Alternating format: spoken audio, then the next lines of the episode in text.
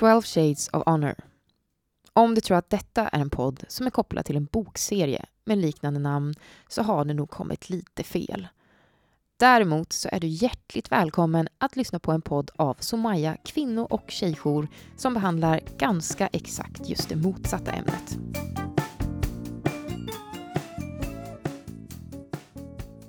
Hej! Jag sitter här idag med Sanna Sardar som vi faktiskt raggade upp från eh, Instagram. Yes. Det här är ju skitfint att du är här. Eh, vi, eller det var en kollega till oss som såg dina, först såg dina inlägg som du hade skrivit på Makthavarna. Mhm. Som peppade oss. Bara, ah, ni måste, du måste få med den här tjejen i podden. Eh, och sen kontaktade vi Sanna och eh, nu sitter hon här. Jättekul Ja. att vara här. Välkommen. Tack så mycket. Men kort presentation. Nu drog jag upp det här med makthavarna på en Ja. gång. Men vem är du och vad är makthavarna för? Eh, mitt namn är Sanna Mm. eh, och jag är 19 år gammal. Eh, bor just nu i Uppsala, pluggar där. Annars är jag från Stockholm. Eh, ja, Makthavarna, ni hittade mig där. Eh, Makthavarna är då en plattform för eh, rasifierade att kunna berätta sina erfarenheter, vad de har varit ut, alltså blivit utsatta för. Och, eh, så det är en begränsad plattform. Det är inte så, vita får till exempel inte skriva utan det är mer de som eh, på något sätt känner sig exkluderade i samhället. Mm. Och eh, då valde jag att kontakta dem för att skriva en vecka på makthavarna om hedersrelaterat våld och förtryck. Eh, just på grund av att jag inte tycker att det uppmärksammas lika mycket som, att, som det borde göra. Mm. Eh, och jag för mig att det finns fåtal personer som har skrivit på makthavarna om just hedersrelaterat våld och förtryck. Eh, men jag kände så här, jag vill också berätta lite av mina erfarenheter, vad jag tycker och tänker. Så ja, jag tog det steget och eh, de eh, ville gärna ha med mig där. Mm. Och det var ju uppskattat också. Ja, men precis. Vi fick ju upp ögonen för dig. Ja. Det var ju väldigt uppskattat. ja. Men vad fick du, fick du mycket reaktioner på dina inlägg? ja. Ja. Jag fick ju jätte, jätte, jättemycket kärlek. Mm. Att det var många som kontaktade mig och tyckte att jag var stark som faktiskt kom fram och berättade hur eh, det, har, hur det ligger till och vad jag tycker. För det är inte många som eh, kan eller vågar. Och, eh, och jag skrev det, jag tror jag skrev det i något av inläggen att eh, jag skriver på makthavarna för att vara den rösten för Mm. de som inte kan kan visa sig och tycka vad de tycker och tänker. Eh, och sen fick jag hat också på mitt första inlägg. Då jag eh, skrev att eh, heders, hedersrelaterat våld och förtryck inte har något med islam att göra. Mm. Och då, det var inte många som höll med mig där. De tyckte att islam hade någon roll i det här och att det var en tjej som skrev att ja, det står i Koranen att det är så här det ska vara. Mm. Fast det höll jag absolut inte med om. Eh, det är helt...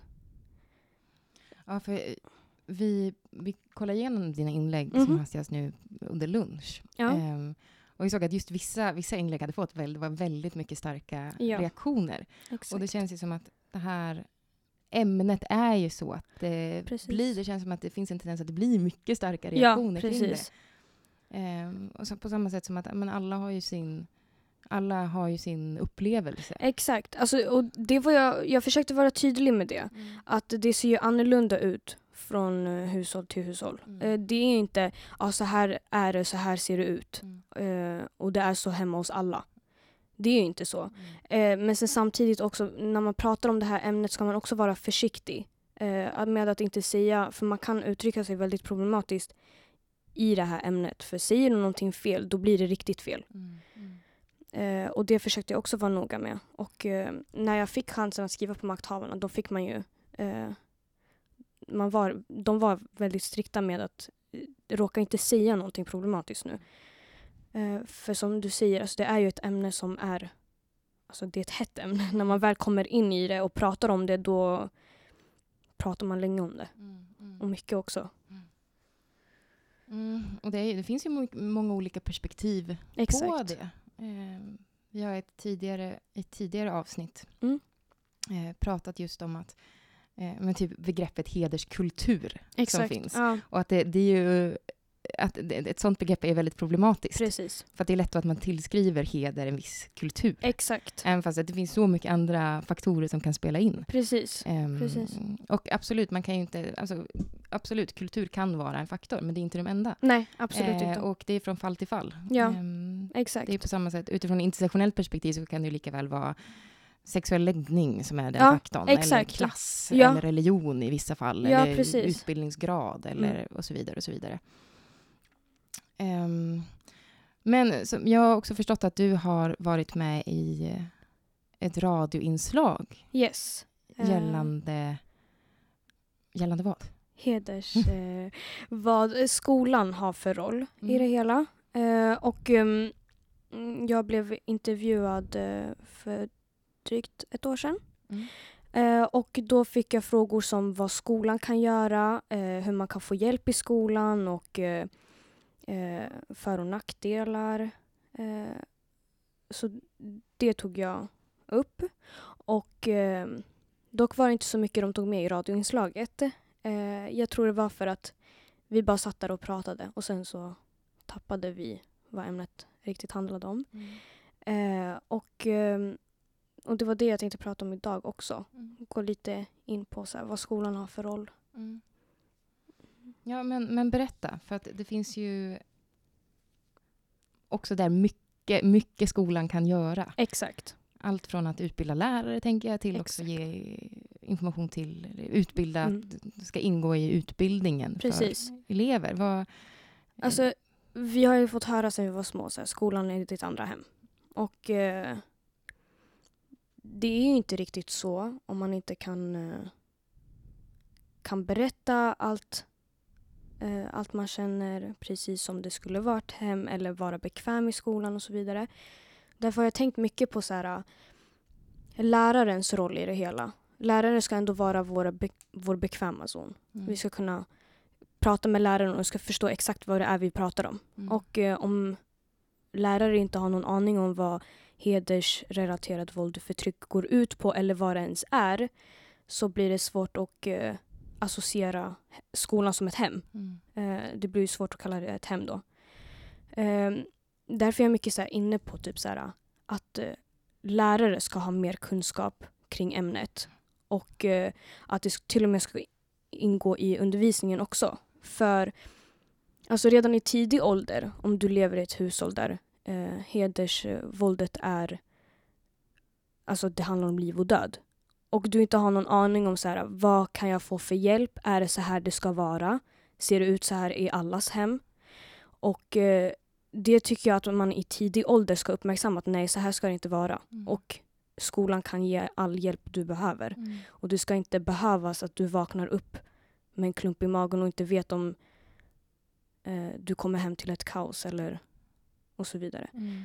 Och vi får ju lära oss jättemycket om så här, ja ah, men eh, du kan eh, få hjälp om eh, du utsätts för mobbning till exempel. Och det har vi fått höra sen vi var små, Mm. alltså redan i tioårsåldern. Mm. Eh, men aldrig någonting om eh, hedersproblematiken. Och eh,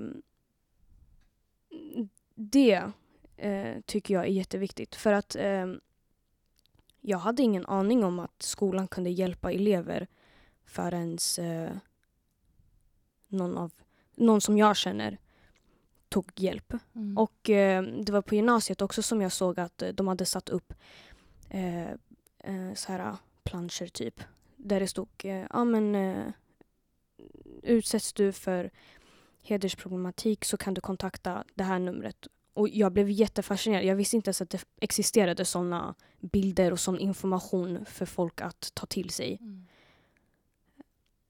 Och det är ju för att jag inte har fått höra det Mm. från någon lärare eller från någon skola. Eller, det är så här, I början av eh, när man börjar en ny skola eller en ny klass brukar det så här komma in eh, vad, vad heter de? Hälsonämnden? Nej. Alltså kurat, kuratorn, ja, sjuksköterskor och så vidare brukar ju komma in eh, och eh, berätta vem de är och eh, vad man kan få för hjälp och så vidare. Redan där borde de berätta att vi, vi fokuserar på det här också, bara så Mm, ni vet mm. det.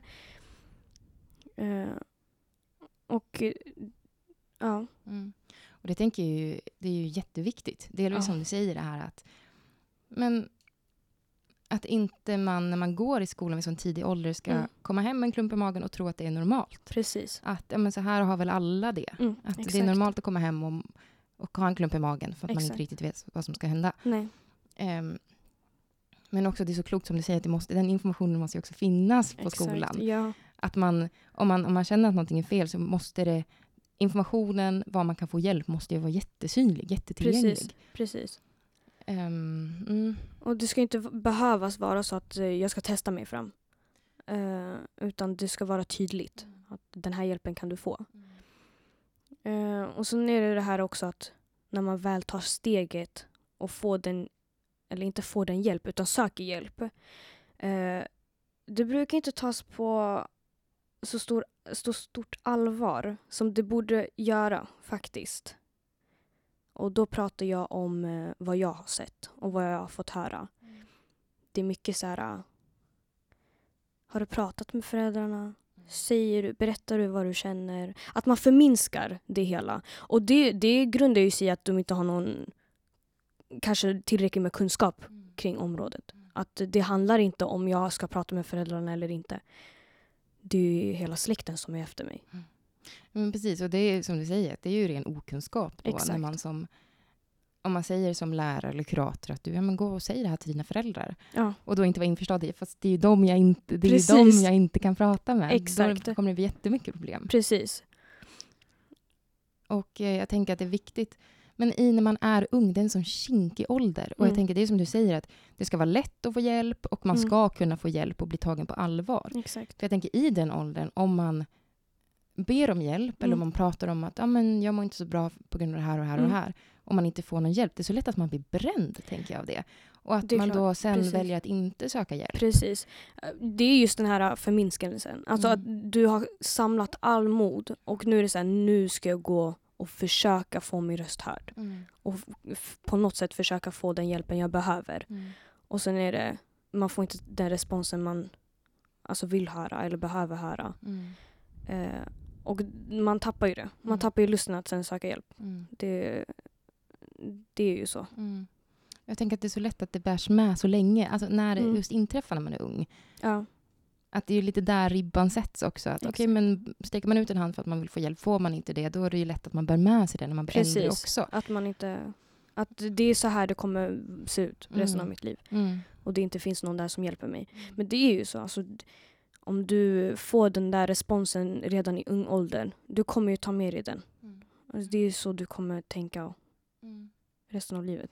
Det är så viktigt hur en lärare formulerar sig kring det, huruvida Precis. en elev kanske ber om hjälp Precis. eller inte. Ja, och eh, det, som du säger, det där är jätte, jätteviktigt. Så här, vad har läraren för roll och vad kan läraren faktiskt bidra med? Och eh, därav vad de har för status också. Eh, och, ehm, och jag tror det är där också ett annat problem kommer in. Då de är så här, eh, när man väl berättar hur allvarligt det faktiskt är. Att det ska krävas någon utredning för att, för att man ska se om det ser ut som eleven berättar. Men kommer jag till dig och säger hur allvarligt det är, då är det så allvarligt. Jag skulle inte komma och be om hjälp om jag faktiskt inte behöver hjälp. Typ så.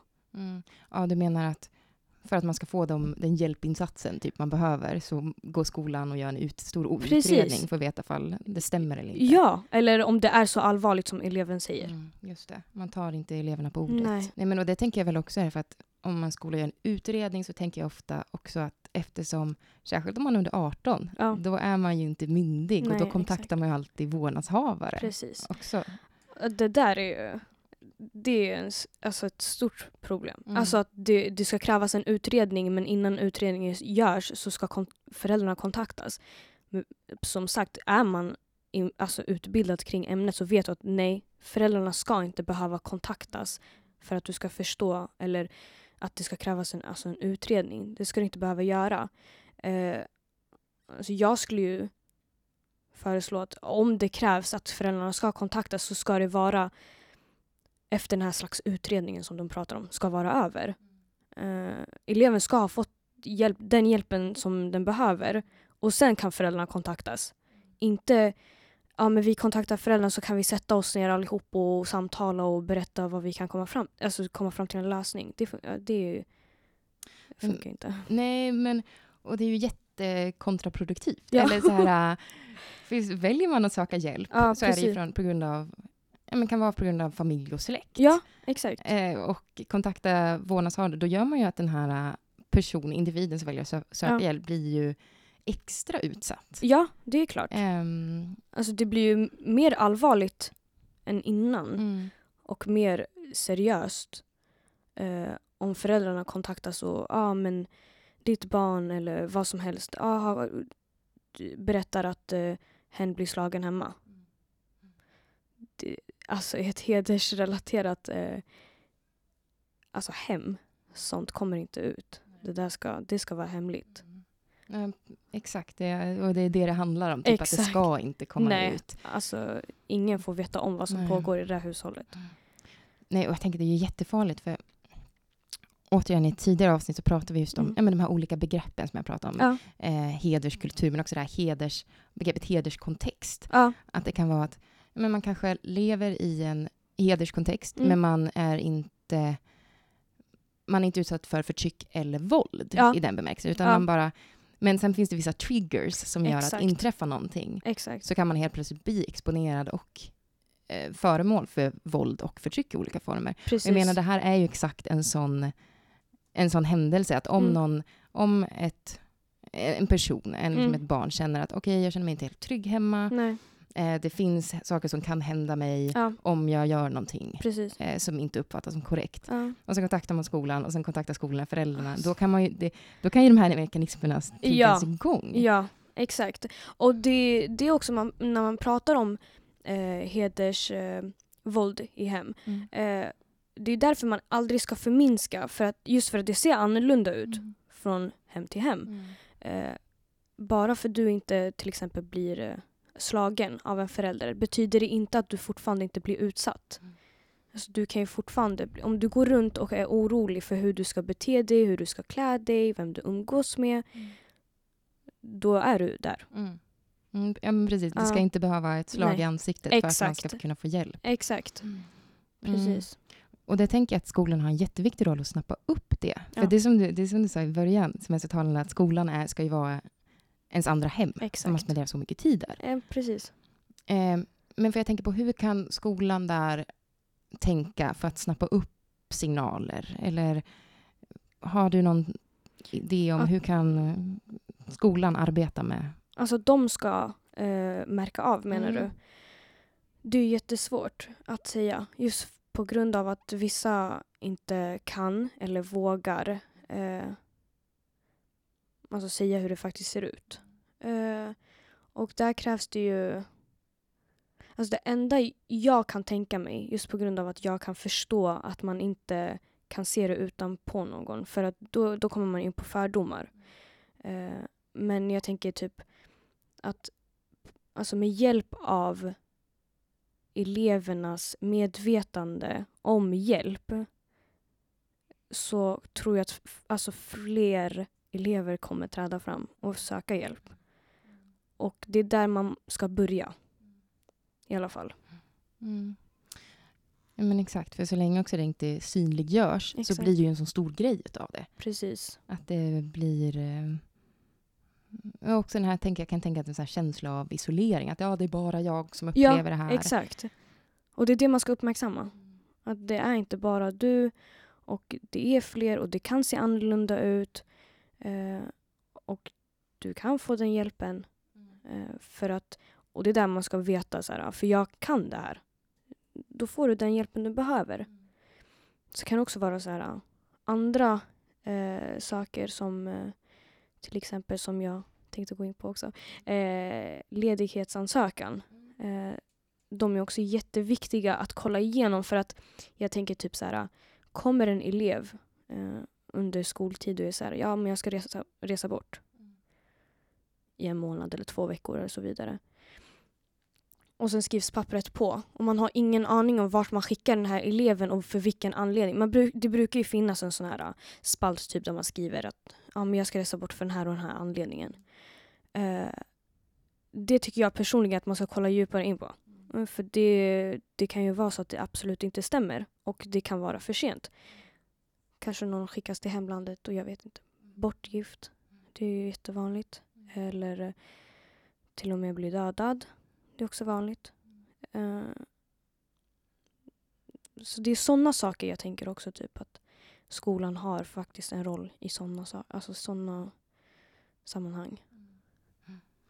Ja, och det är ju, det är ju också en väldigt här, konkret grej som just Mm. lärare kan snappa upp om man ser så här, bara, all right, men den här ledighetsansökan verkar Ja. lite, jag ser ingen tydlig anledning varför man ska åka Exakt. bort, eller varför den här Exakt. personen ska åka bort. Ja, Så det är ju väldigt så handfast grej Ja. att, ja men, var nog med att kolla igenom ledighetsansökan. exakt. Eller- Eller, ehm, ja, sker de ofta? Eller, Ja, jag eller inte, vad som helst. Eller att allmänt bara ha ett... eh, sätta sig ner med eleven och vara så här...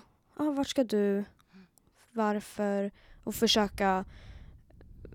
Försöka få fram något slags eh, bevis på att det inte är, finns någonting att oroa sig för. Mm. Att du skickar iväg den här eleven och du... Det finns ingenting eh, farligt som kan hända den här eleven. Mm. Ja, och där tänker jag också att det är så viktigt att det finns, ja, men som, att lärarna följer det och också att det finns Mm. system för det. Ja, För det här känns ju också som en sån här stor grogrund för typ diskriminering. Eller eh, att, att just det här att det leder till någon typ av rasism. Att man väljer ut vissa som man Exakt. granskar Ja. ledighetsansökningar till. Utan att så här, det är systematiserat. Att okej, alla som skickar in sin ledighetsansökan precis. ska genomgå samma, precis. samma steg. Ja, precis Ja. samma process. Exakt. Ja, ja, det där är jätteviktigt. Men det kan inte... Så här, då kommer man ju också in på så här fördomar och så vidare. Mm. Att du väljer ut eh, någon enstaka elev som du ska prata med.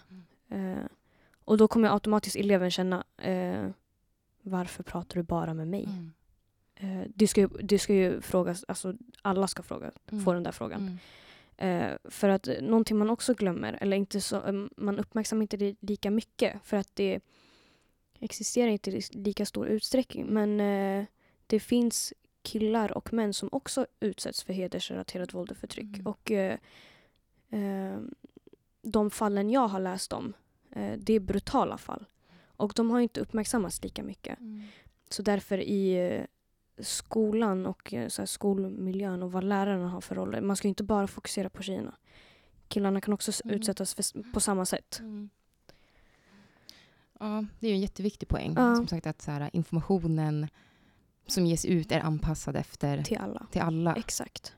Exakt. Ehm, jag tänker som sagt, en, ett, ett av syftena med den här podden är just att slå hål på de här myterna och Mm. fördomarna som finns Mhm. gällande hedersrelaterat våld och förtryck. Mm.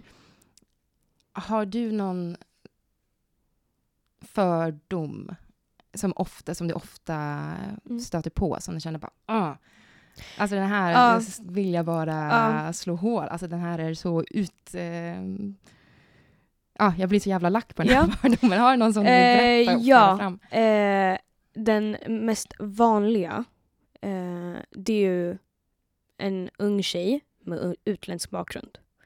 Automatiskt förknippas du till hedersrelaterat våld och förtryck. Eh, och sen, eh, jag själv har ju inga syskon, eh, men någonting som man ofta, väldigt ofta får höra, det är typ så här, akta dig för din bror. Eh, tänk om din pappa ser dig eh, röka eller vet din pappa att du har på dig det där? Eh, eller typ, eh, ja du har en stor släkt. Okej, redan där blir man så här, oj okej hon har en stor släkt, Mm. det är jätteproblematiskt. Mm. Ja, det känns som att man stöter på den väldigt Ja, Väldigt ofta. Ja. Eh, men det är som du sa också, att det, det finns ju någon, någon sån här bild av hur en hur heder, alltså hur strukturen ser ut. Det är som du säger, att oh, man aktar dig för din brorsa, ja. Din pappa gör det här. Bara, men i vissa fall kan det ju vara att man har en helt schysst Precis. familj. Exakt. Det är liksom som inte alls utgör något hot. Men sen Exakt. kan det finnas en släkt eller en annan struktur. Precis, precis. Det kan ju vara så att det inte händer eh, med, din, eh, med dina föräldrar, Mm. men att det händer med dina morbröder.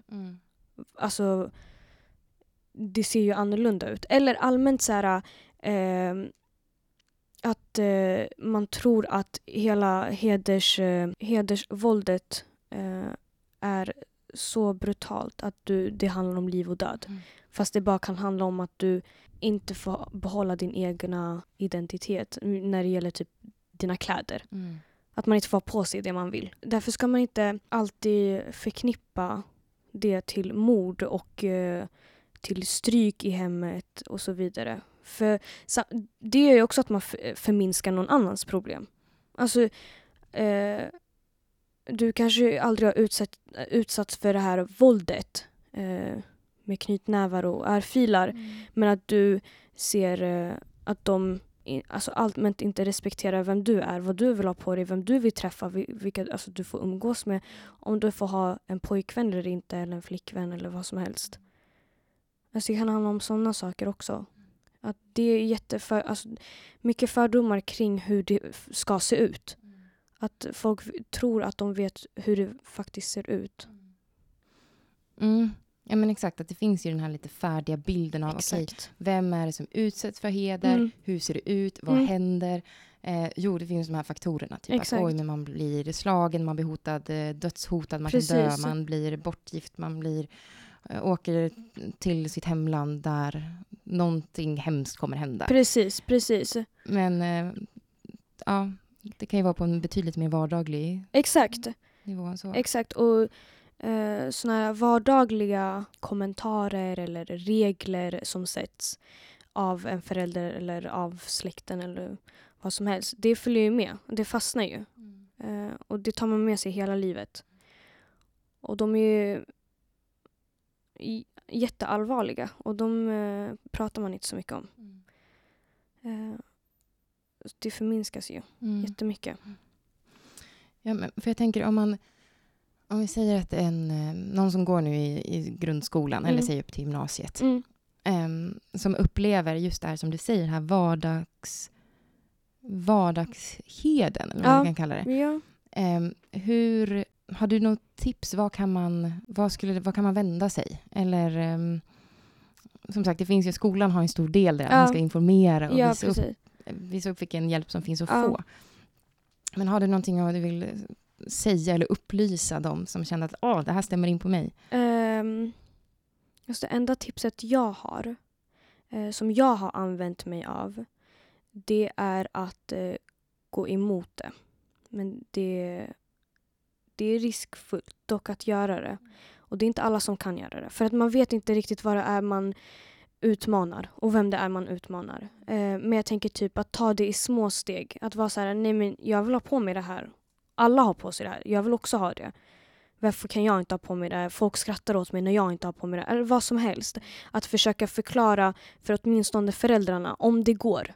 Om det går att vara så här, det är inte så här det ska se ut. Kan ni snälla låta mig åtminstone försöka må bra i vardagen. Sen samtidigt är det ju så här att vissa kan verkligen inte. Och då handlar det om liv och död. Och, eh, och det har jag inte riktigt, eh, jag kan inte riktigt säga vad det är man ska göra än att försöka söka hjälp. Mm, men det tycker jag är jättebra sagt och det är en jättebra, ett bra perspektiv på det också. Att, Mm. Återigen den här bilden som finns Exakt. av det är att man inte kan prata med Mm. till exempel sina föräldrar om Mm. det. Och därför är det en jättebra poäng. Men, men i vissa fall, det är som sagt, man ska Mm. inte generalisera. Vissa är verkligen på liv och död. Det ska inte Precis. förminska Nej. överhuvudtaget. Absolut inte. Ehm, samtidigt som du säger så Mm. finns det ju de som lever i den kontexten man faktiskt kan diskutera. Ja, exakt. Att komma fram till någonting. Ja. Och det är ju så det ser ut i vissa hem. Att man faktiskt kan komma fram till någonting tillsammans med föräldrarna. Eh, ta små steg. Det kan, det kan ta hela livet. Men att man ändå kommer någonstans. Det går. Om, om man kan göra det så går det. Yes. Mm. Ja, men vad fint. Det där tycker jag Ja. känns som väldigt fina och kloka ord att avsluta. Tack så mycket. Runda av det här avsnittet Ja. med. Eh, Tusen tack för att du ville vara Tack med. själv. Jättekul att vara med Ja, men tack, tack, så tack. jättemycket.